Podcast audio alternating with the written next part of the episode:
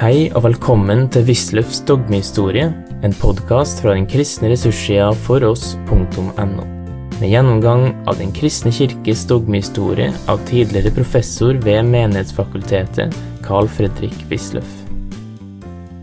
Og til å noen grad, noen av dem i hvert fall, å legge ordensrakten til side ved spesielle anledninger. Det er jo den samme tendensen som vi har hos oss.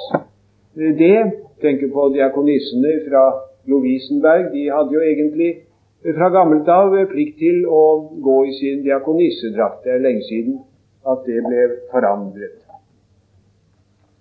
Så er det den pastorale konstitusjon om Kirken i den moderne verden, det såkalte skjema 13. Det var veldig mye diskusjon om. Det er veldig omfangsrikt og skal sikte på å vise at Kirken vil være på bølgelengde med den verden som den lever i. Men uh, man må vel si, og det inntrykk er litt forsterket for meg når jeg nå atter har lest teksten, at det ikke står så forferdelig mye vesentlig der allikevel. Jeg vil peke på det som står på side 213 punkt 5, fordi det der er noe som vi senere i denne timen også skal stanse ved, nemlig seksualetikken familien og, og det seksuelle liv. Eh, her, så langt som denne, så unngikk man å ta stilling til det vanskelige spørsmålet om eh, familieplanlegging. Det skulle komme en, en rapport fra en kommisjon. Den ble kjent ved en indiskresjon, så det var en svær ballade en ting, tid, som de jo gjerne gjør når det blir en såkalt glipp i så måte. Og eh, det, så det var, tiltak seg da et øyeblikk alminnelig oppmerksomhet. Etter at noen tid er gått, viser det seg jo ofte at eh, det hadde ikke noe å si. Det var ikke det at det hadde så helt mye å si. Eh, det ble vist i, denne konstitusjonen til at man ikke har lov å bruke metoder til å regulere fødslenes antall som er funnet forkastelige av det kirkelige lærerembetet. Og En redaksjonell note viser da til Pius den 11.s eh, Casti Conubi fra 1930. Den har jeg nevnt før. Den um, anerkjenner en viss bruk av eh, altså uh, hensyntagen til uh, perioder hvor befruktning er lite sannsynlig. Man utgir konsepsjonskalender og slikt. Som eh, det, det er da en naturlig eh, ting, blir det sagt. Men andre eh, metoder eller forholdsregler er ikke tillatt, heter det i Casti Conubi. Vi skal straks komme tilbake til dette emnet noe. Og jeg, jeg, må nok si det at det, det er en veldig ordrik sak. Det er en tendens til å uh, nærme seg tiden men mindre av at man kan sies å ha gjennomtenkt problemene. Det kan vel være, som sagt, om andre også det. Efter konsilet, eller mot slutten av konsilet, så var det diskusjon om avlaten. Det var en del som ville ha bort dette med, med avlat, men det gikk jo ikke tvert om. Tvert om det er kommet nye uttalelser om um, avlaten. Uh, jeg har f.eks. her um, denne utgaven som jeg har nevnt for dem før og anbefalt om de vil ha tak i den. Det må kunne gå an å skaffe denne enda. Uh, the Documents of Vatican II. En amerikansk utgave med oversettelser og litt kommentar og noter. Uh, og her står det helt til slutt eh, pave Johannes den 23.s bønn til Den hellige ånd om eh, suksess for det økumeniske konsil.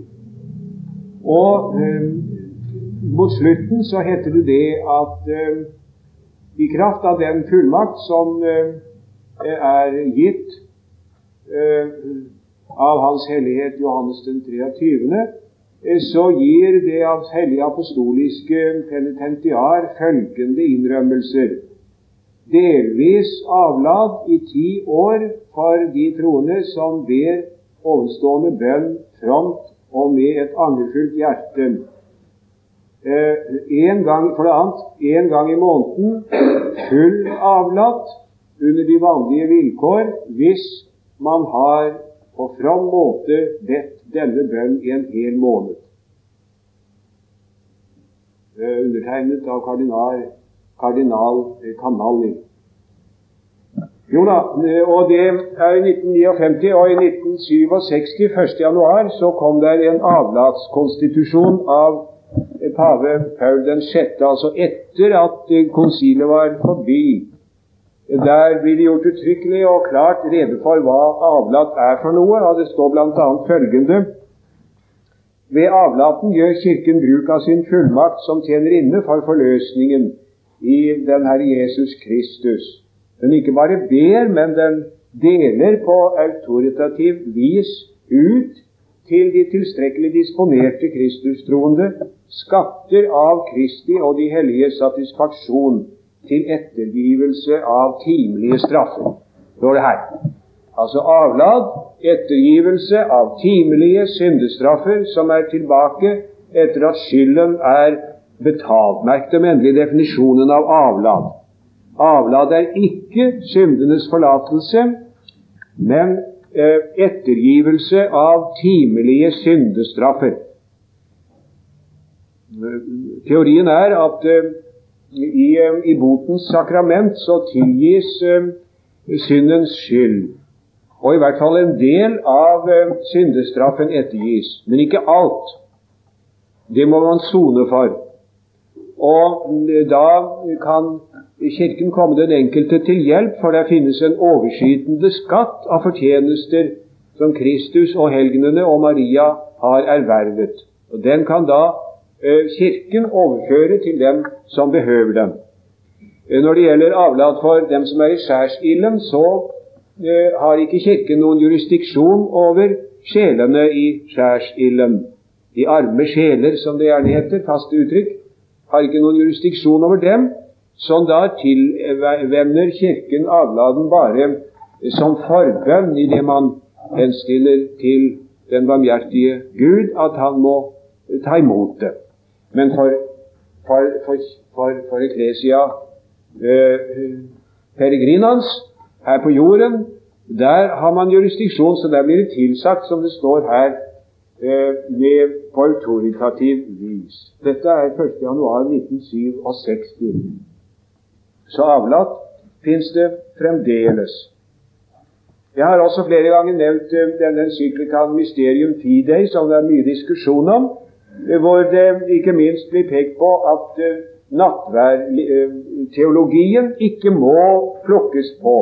Transignifikasjon og transfinalisasjon er helt utilstrekkelig. Man må tale om transsubstansiasjon. Og disse begrepene substans og aksidens, står det uttrykkelig, de er gyldige til alle tider, har pave Paul slått fast seg. Ikke anledning til å øh, gå bort ifra det. Uh, man, uh, man, har jo i det hele tatt en følelse av at det ennå stadig pågår en viss dragkamp mellom progressive og konservative krefter innenfor katolisismen. Og i det aller siste så synes det nok som om det er mye som tyder på at det er de konservative krefter som tar eh, som får seieren. Eh, tiden vil jo, vil jo vise det. Men la meg nevne som et eksempel på denne dragkampen eh, det som har funnet sted i Holland med den såkalte hollandske voksenkatekisme. Den er, har de sikkert sett omtalt i aviser og på annen måte. Det er veldig interessant med den, eh, mange interessante omstendigheter med den. Mitt kjennskap til den har jeg ifra en engelsk oversettelse. Det interessante med den oversettelsen igjen er at den er altså utstyrt med imprimater, trykketillatelse, fra en katolsk biskop i England. Men da jeg kjøpte den boken i St. Olavs bokhandel, så sa damen i butikken til meg at den uh, imprimatur er tilbakekalt, sa hun. Det er veldig interessant. altså Sånn situasjon har vi nå. man får kjøpt en bok med imprimatur, men med muntlig beskjed over disken om at det, det, er, det er tilbakekalt, sa damen. Det visste hun, og det visste jeg fra før, for det hadde jeg da lest i utenlandske tidsskrifter. Denne hollandske voksenkatekismen har det vært veldig mye diskusjon om, og den er også kommet i forskjellige utgaver, åpenbart. Den som jeg har lest, skal jeg få lov til å karakterisere i noen store trekk. Det er, det, er, det er, mye som er nytt der, det kan man jo nok forstå.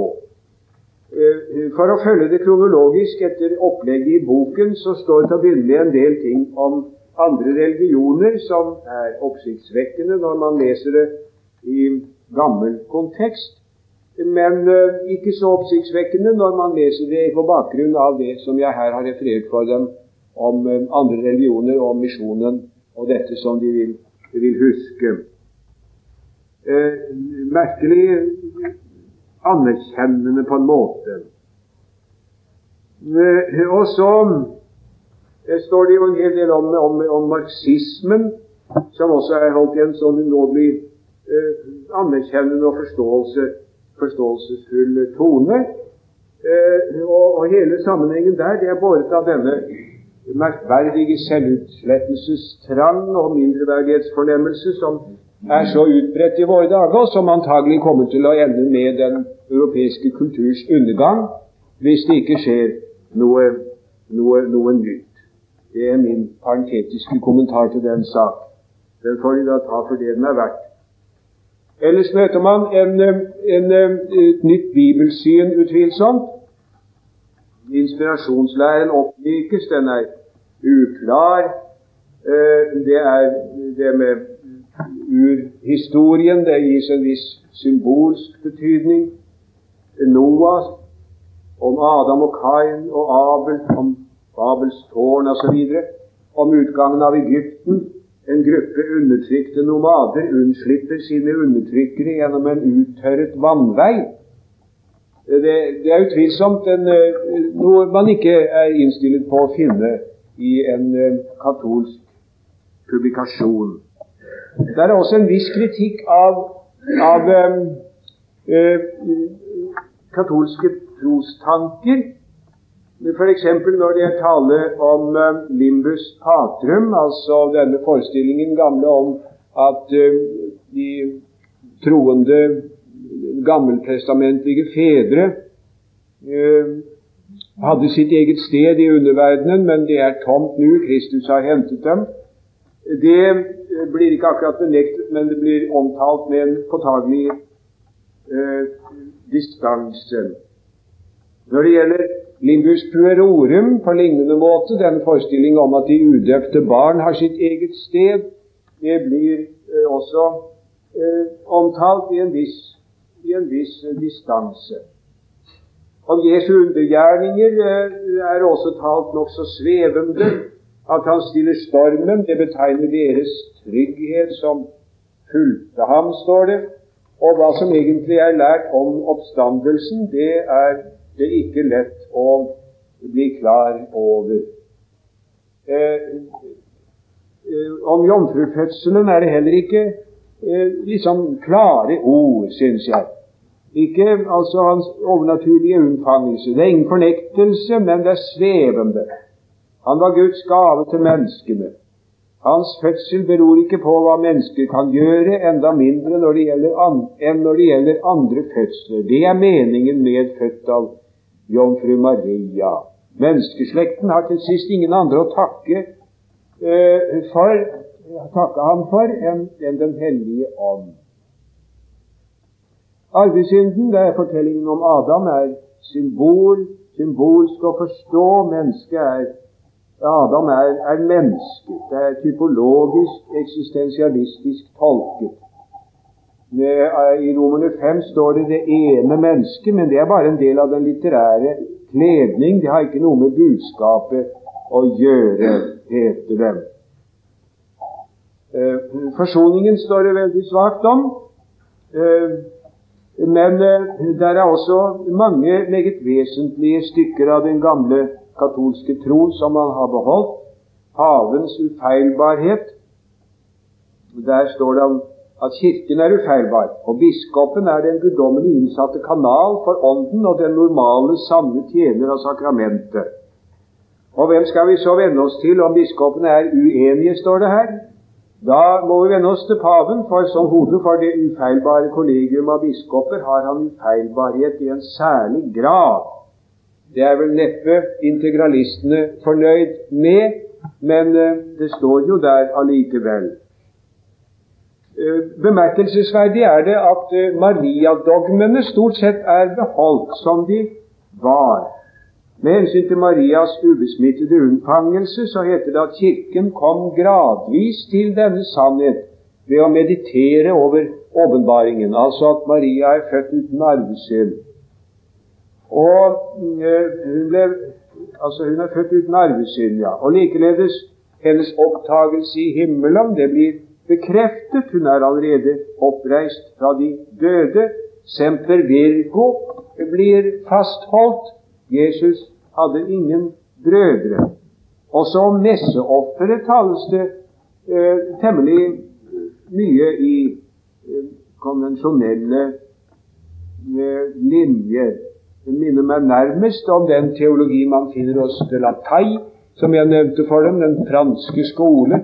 Altså at offeret er stedt på Golgata, men, men frembæringen uh, som foregripende skjedde i den natta han ble forrådt, han ofret seg da, den skjer nå liksom etterpå, på nytt, i og med at vi bærer det en gang slaktede lam frem for Gud som et soneoffer.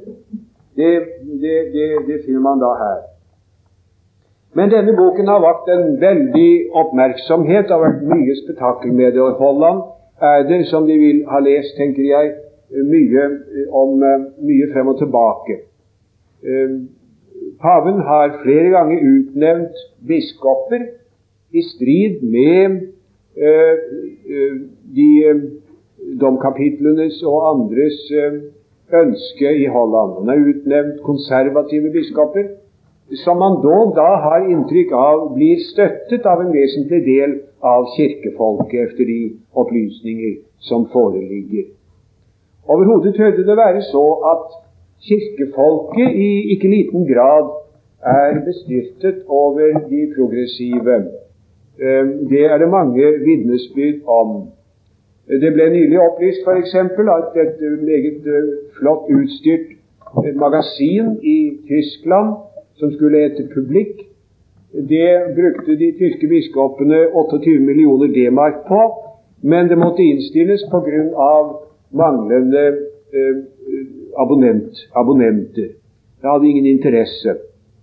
Det kommenterte den svenske katolske, det svenske katolske bladet Katolsk observatør med å si at eh, eh Guds folk ville ikke ha det, for det brakte dem ikke Guds ord. Og den, det, det, bladet Katolsk observatør i Sverige er også et interessant fenomen. Det begav seg nemlig at uh, redaktøren for uh, gamle, det gamle katolske blad i Sverige han ble avsatt, rett og slett. Han ble avsatt fordi at uh, jeg har eh, avisutklipp og andre dokumenter om den sak her.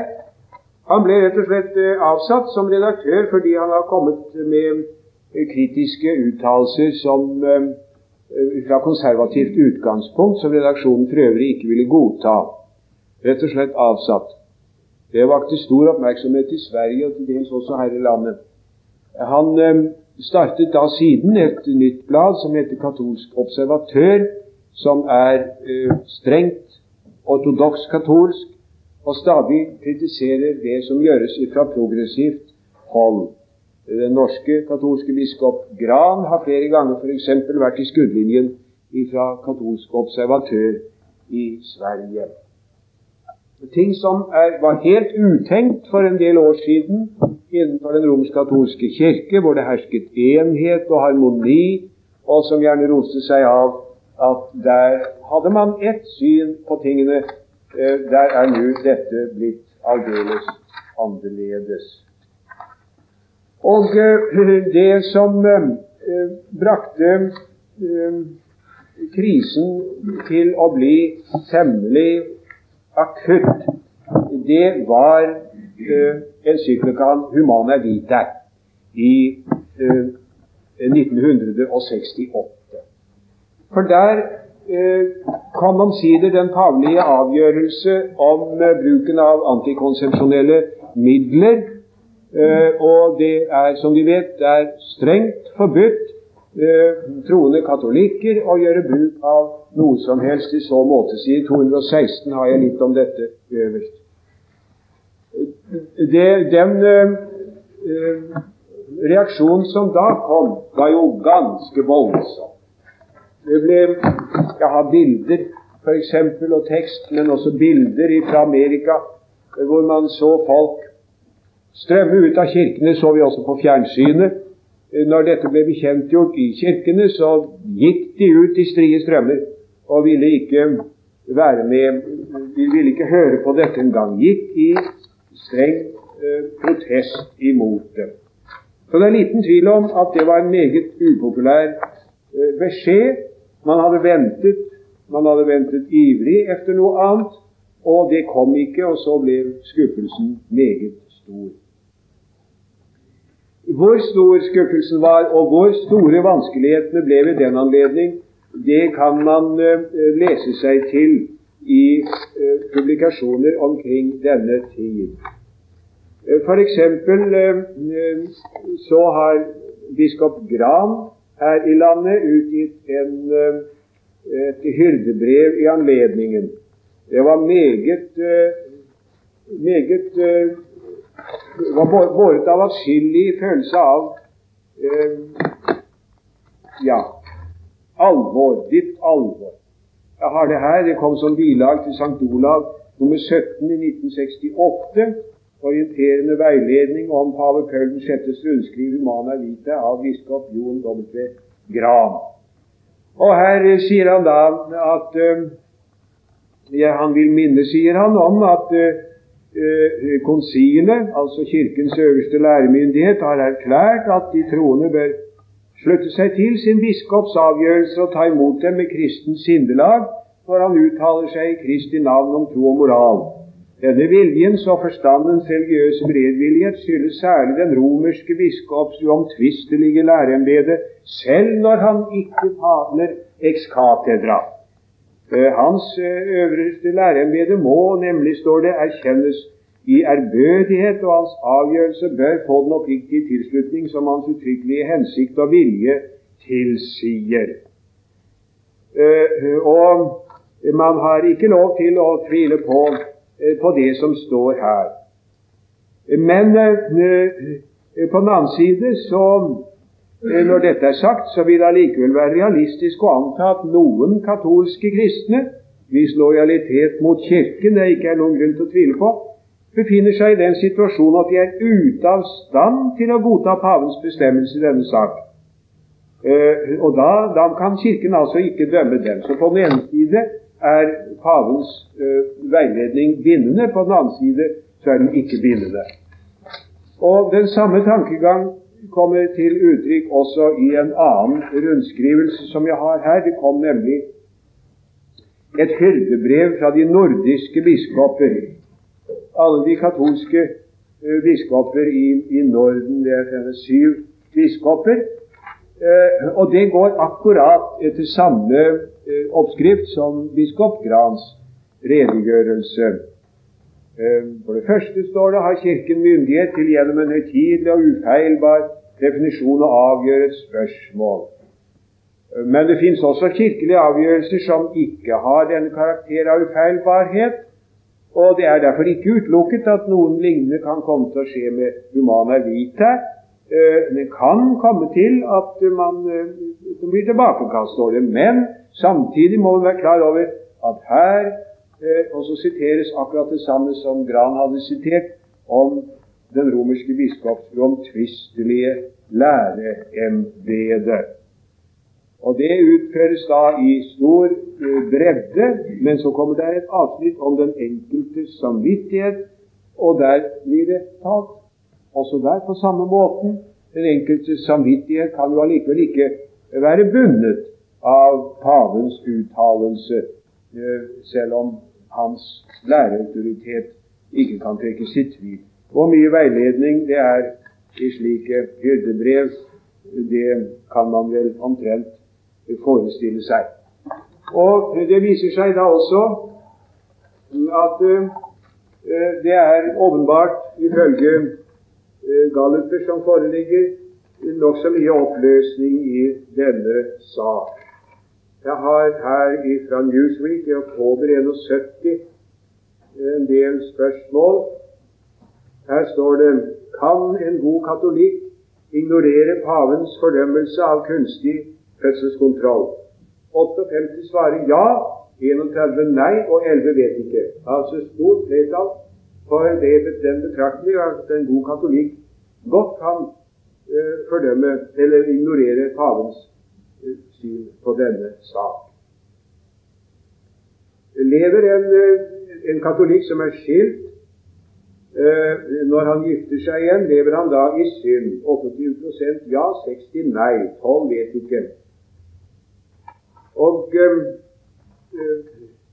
ja, kan du nevne noen avgjørelser som er gjort av eh, de katolske biskopers nasjonale konferanse, som har hatt betydning for deg? Dette er altså katolske kristne som er spurt. Fins det noen avgjørelser som bispekonferansen har gjort, og som har hatt noen betydning for deg? 92 nei. Hvilke kilder har vært deg til størst hjelp eh, når du har vært i tvil om hva du skal tro som kristen? Altså, hva, hva har hjulpet deg mest da? Bønn 31% katolske venner 23% presten 22 eh, min ektefelle 21% paven 4% Billy Graham 3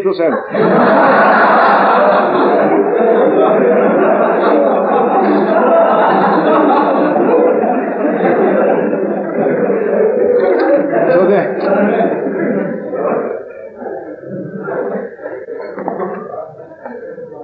Det er, det er et eh, forunderlig eh, tid som vi lever i. Nå er det åpenbart altså at en hel del eh, konservative krefter reiser seg.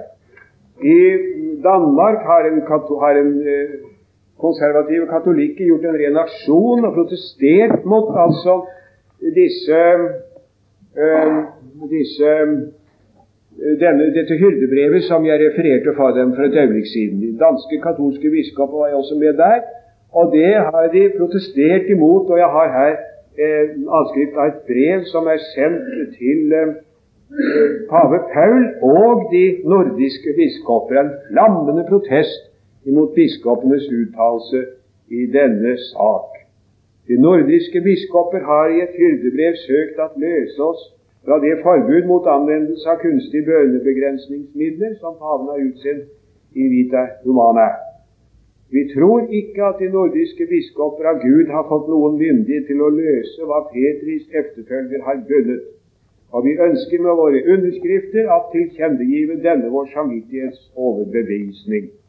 Initiativtakeren er en, en, en kjent eh, dansk legmann, historikeren eh, Nivo Rasmussen, kjent historiker. Så det er, der er mye sånt noe. Og likeså i Sverige har Nanny Nilsson, eh, kunstner, eh, gang på gang tatt til orde. F.eks. her Um, um, Striden innom den katolske kyrkan i dag gjelder ikke om kyrkan skal være en kyrka for de små og fattige eller en triumferende kyrka i forbund med de mäktiga. Nutidens mektige, det er kommunisterna med hvilken de venstreorienterede innom kyrkan fraterniserer. Striden gjelder i stedet selve trosanningarna, og det var framfor alt her som andre Vatikankonciliet ble så ödesdigert, skjebnesvangert. Det åpnet nemlig porten for den liberale teologi som under lang tid varit en kreftskada innom protestantismen. Det åpnet for ateisme og världslighet. Det er åpenbaringen sant at venstreflygen innbjudet den sekulariserte verdens krefter å ta sete i Guds helligdom. Sitat fra en tidligere artikkel. Og den prisade kommunismen torde i stort sett bli en forening i skeptisism, der liberala protestantiske teologer og liberala romerske teologer møtes i en enbart sosial oppfatning av kristendommen. Lanny Nilsson. Eh, en røst blant mange i samme, i samme retning. Det er noe av det man eh, jo må merke seg nå for tida. Samtidig så, eh, så merker man seg også at paven på forskjellige måter liksom slår ned og gjør ende på radikale krefters forsøk på å bringe endringer. Eh, for eksempel så eh, var det jo fra mange hold i hvert fall ventet nå at bispesynoden senhøstes i fjor skulle komme med noe angående sølibatet. Eh, skulle gi anledning for Kirken til å ordinere gifte menn i moden alder, som biskop Gran uttrykte det på bispesynoden. Jeg har forklart dem den nyansen der som protestanter ikke alltid er oppmerksom på. Men altså at man skulle kunne eh, ordinere eh, gifte menn i moden alder. Men det ble det altså ingenting av på bispesynoden. Det var nok et flertall imot, etter det som er opplyst også. Og paven har jo gjort kjent gang på gang at han setter seg dødt imot enhver tendens i den retning. Og det alvorlige med det er jo bl.a. Som, eh, som jo har vært opplyst mange ganger, men som f.eks. også redaktør Rønning i St. Olav har pekt på, at Kirken mister nå ca. 3000 prester per år. Eh, den katolske kirke over hele jorden. Det er ca. 3000 prester per år nå i de seneste år som forlater sin, sin, eh, sin, stilling. Det er jo veldig alvorlig. Og jeg har her et um, nummer av um, Der Spiegel, uh, som, hvor det er en svær artikkel som heter 'Masseflukt fra Kristi åk'. Den er eh, Det kom i oktober. Massenflucht aus dem Joch Christi. Den er jo eh, saktens eh, noe satt på skruer, da. Den sparer jo aldri på konfektene, slike blader. Men, men, det er ikke noen som helst tvil om at det er pekt på realiteter, og også fra katolsk hold, som dypt beklager denne utvikling, er dette ordet ca. 3000 prester per år gjentatt. gjentatt. Og uh, til, på samme tid så blir det nevnt at seminarene, presteseminarene står halvtomme bortigjennom. sånn at det er store bekymringer når det gjelder rekrutteringen. Det synes altså foreløpig ikke å være så at den nye eh, tendens til eh, aggiornamento, eh, bringing up to date, har ført til det resultat man ventet. Eh, jeg har her eh, teksten til siste bispesynoden. Eh, det er, er ja, en serokskopi av noen sider fra Akta Apostolica Sedis. Og der uttaler man seg meget sterkt om det er en kommentarium officiale, det er pavens kommentar til Documenta synodi episcoporum om prestens stilling. Og det, disse sidene som jeg har her, det er en eneste sterk understrekning av øh, prestens karakter indelebilis, som han har fått ved sin ordinasjon. Uutslettelige donum in amissibile spiritus sancti, som er blitt gitt, står det permanum imposisjon. Og den er permanent, kan ikke mistes. Og det blir også sterkt understreket at uh, det er en, uh, en vesensforskjell, og ikke bare en gradsforskjell, mellom de prestelige tjenester og alminnelige legfolks tjeneste i Kirken. Så står det her Inter diversi generis et ministrationes unum sacerdotale novi testamente ministerium quod Christi mediatoris munus continuat a communi omnium fidelium sacerdotio essentia ablativ essentia et non gradutantum distinctum atskilt i essensia og ikke bare i grad. Sterk understrekelse av, av dette. Så paven vil eh, holde igjen, og han vil tvert styrke Kirken ved eh, å integrere dem med det han oppfatter som dens egentlige vesen. På, på det læremessige området så har i det siste Tybing-professoren Hans King eh, vakt stor diskusjon. Eh, Hans King har skrevet en, eh, en bok som heter, som heter 'Ufeilbar?' spørsmålstegn. Og der anfekter han pavens ufeilbarhet både med historiske og dogmatiske grunner. Det er jo klart at 'Onfelbar' spørsmålstegn heter rett og slett boken. Onfelbar. Den er øyeblikkelig naturligvis blitt oversatt til engelsk og også andre språk og diskuteres overalt. Den, øh, sier jeg, den angriper faktisk øh, læren om pavens ufeilbarhet. Både med historiske og dogmatiske grunner. Det er jo meget oppsiktsvekkende, og ikke da øyeblikkelig blir satt utenfor, ekskommunisert. Det er meget merkelig. Man gjør liksom ikke det lenger nå for tiden, åpenbart. Men uh, Hans King er jo heller ikke hvem som helst. Det er jo en meget kjent mann. Uh, han var Hans bok om Terjøsesleiren hos Karl Barth har jeg nevnt før, hvor han mente å kunne bevise at man har misforstått ganske misforstått Trientinekonsilets rettferdiggjørelseslære. Han spilte også en betraktelig rolle under annet Vatikan-konsil, hvor han var konsulent, Peritus.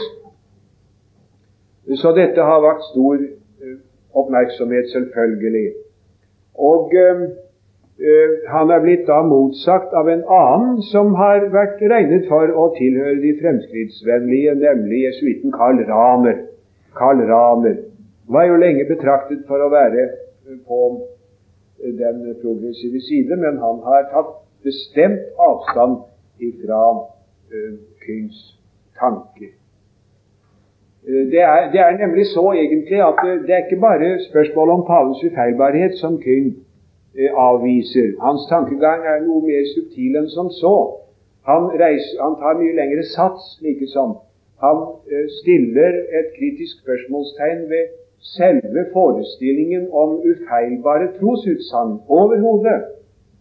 Kan man overhodet regne med at det er noe sånt som uh, som um, ufeilbare uh, utsagn. Uh, det, det, er jo med andre ord da en problemstilling som er ganske avansert i forhold til det vi er vant til å finne hos en katolsk, um, hos en katolsk teolog. Det pågår også for tiden samtaler. Jeg har nevnt for dem før den samtalen i England den eh, anglikansk-romersk katolske Statement on the Eucharist. Ehm, den har jeg her med en kommentar av eh, han som har vært sekretær for eh, denne felleskommisjonen. Uttalelsen i seg selv er, er ikke, ikke omfangsrik. Den er et statement den er simpelthen bare på fire trykksider. Og jeg, jeg, må nok si at jeg har sett grundigere utredninger. her blir f.eks. uttrykket transsubstansiasjon overhodet ikke nevnt i teksten. Det står bare i en fotnote. Og der står det at uh, hva det i alminnelighet betyr, og så står det in contemporary Roman Catholic theology is, it is not understood as explaining how the change takes place. Det er alt som står. Uh, man kan selvfølgelig fort bli enige hvis man unnlater å snakke om det som egentlig er vanskelig. Og Det samme gjelder spørsmålet om messeoffer hvor det eh, bare streifes ganske løselig i det det heter eh, There can be no repetition or addition to what was then, nemlig on Calvary, accomplished once for all by Christ. Nei, men det har da intet menneske påstått heller noen gang på katolsk hold. Uh, resurgens resurgens ex mortuis jam non moritur. Romerne 6,9 etter Vulgata. Det har jeg sett i så mange middelalderlige messeforklaringer. Hos Gabriel Biel f.eks., som vi jo særlig må holde oss til, for det var den som Luther leste. Uh, nei da, det er, ikke noe, det er ikke så at Kristus dør på nytt. Det visste Gabriel Biel i, i 1484, det, da den boken kom. Kristus resurgens ex mortuis jam non moritur. Og etter at han er oppstanden fra de døde, så dør han ikke mere heter det jo i vår bokmålsoversettelse. Så det som her ser ut som en slags konsesjon eller nyerkjennelse fra katolsk side, er simpelthen en kimære. Det er ingen seriøs katolsk eh, teolog i gammel eller ny tid har noen gang sagt, sagt det som der tas avstand fra. Som akkurat like langt. En merkelig papir. Og etter hva jeg forstår, så er det liten mottatt nokså svalt fra eh, begge, fra begge hold, den der. Så vi kommer neppe til å høre så særlig mye mer om Men det er en, en viss eh, interesse ved det allikevel, for så vidt som her er den eh, tidstypiske tendens. Og der er, vi, der er vi nå. Der er vi midt i det. Vi har forsøkt nå å følge en linje helt frem Eh, første Vatikankonsil førte til en dogmedannelse. Annet Vatikankonsil førte ikke til noen dogmedannelse. Hva førte det til? Det er i dag ikke så lett å si. Første Vatikankonsil beseilet Pius 9.s forsøk på å gjøre den katolske kirke sterk ved å integrere dem med seg selv Annet Vatikankonsil er uttrykket for den nyere katolisismes, eller en del av dens, eh, tendens i retning av å gjøre katolisismen sterk med å gjøre den konform med samtiden. Hva det da vil føre til, kan vi i dag bare ane. Den som lever, får se. Jeg eh, kommer da til i neste uke, de to timene vi får, det skal være fakultetsråd igjen, og eh, gjennomgå det kapitlet som vi foreløpig hoppet over, om eh, de katolske eh, om, Nå skal de høre. Om de teologiske, de teologiske skoleretninger, altså hoveddrag i nyere protestantisk teologi fra opplysningstiden, med andre ord. Det skulle jo ha en del betydning, håper jeg, for kirkehistoriestudiet.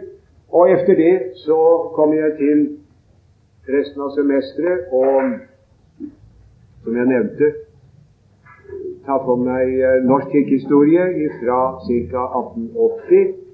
Forsøk på å strukturere det stoffet som, der, eh, som eh, er gitt der. Du har nå hørt Wisløffs dogmehistorie. Finn flere ressurser og vær gjerne med å støtte oss på foross.no. Følg også gjerne noen av våre andre podkaster, f.eks. Table Talks.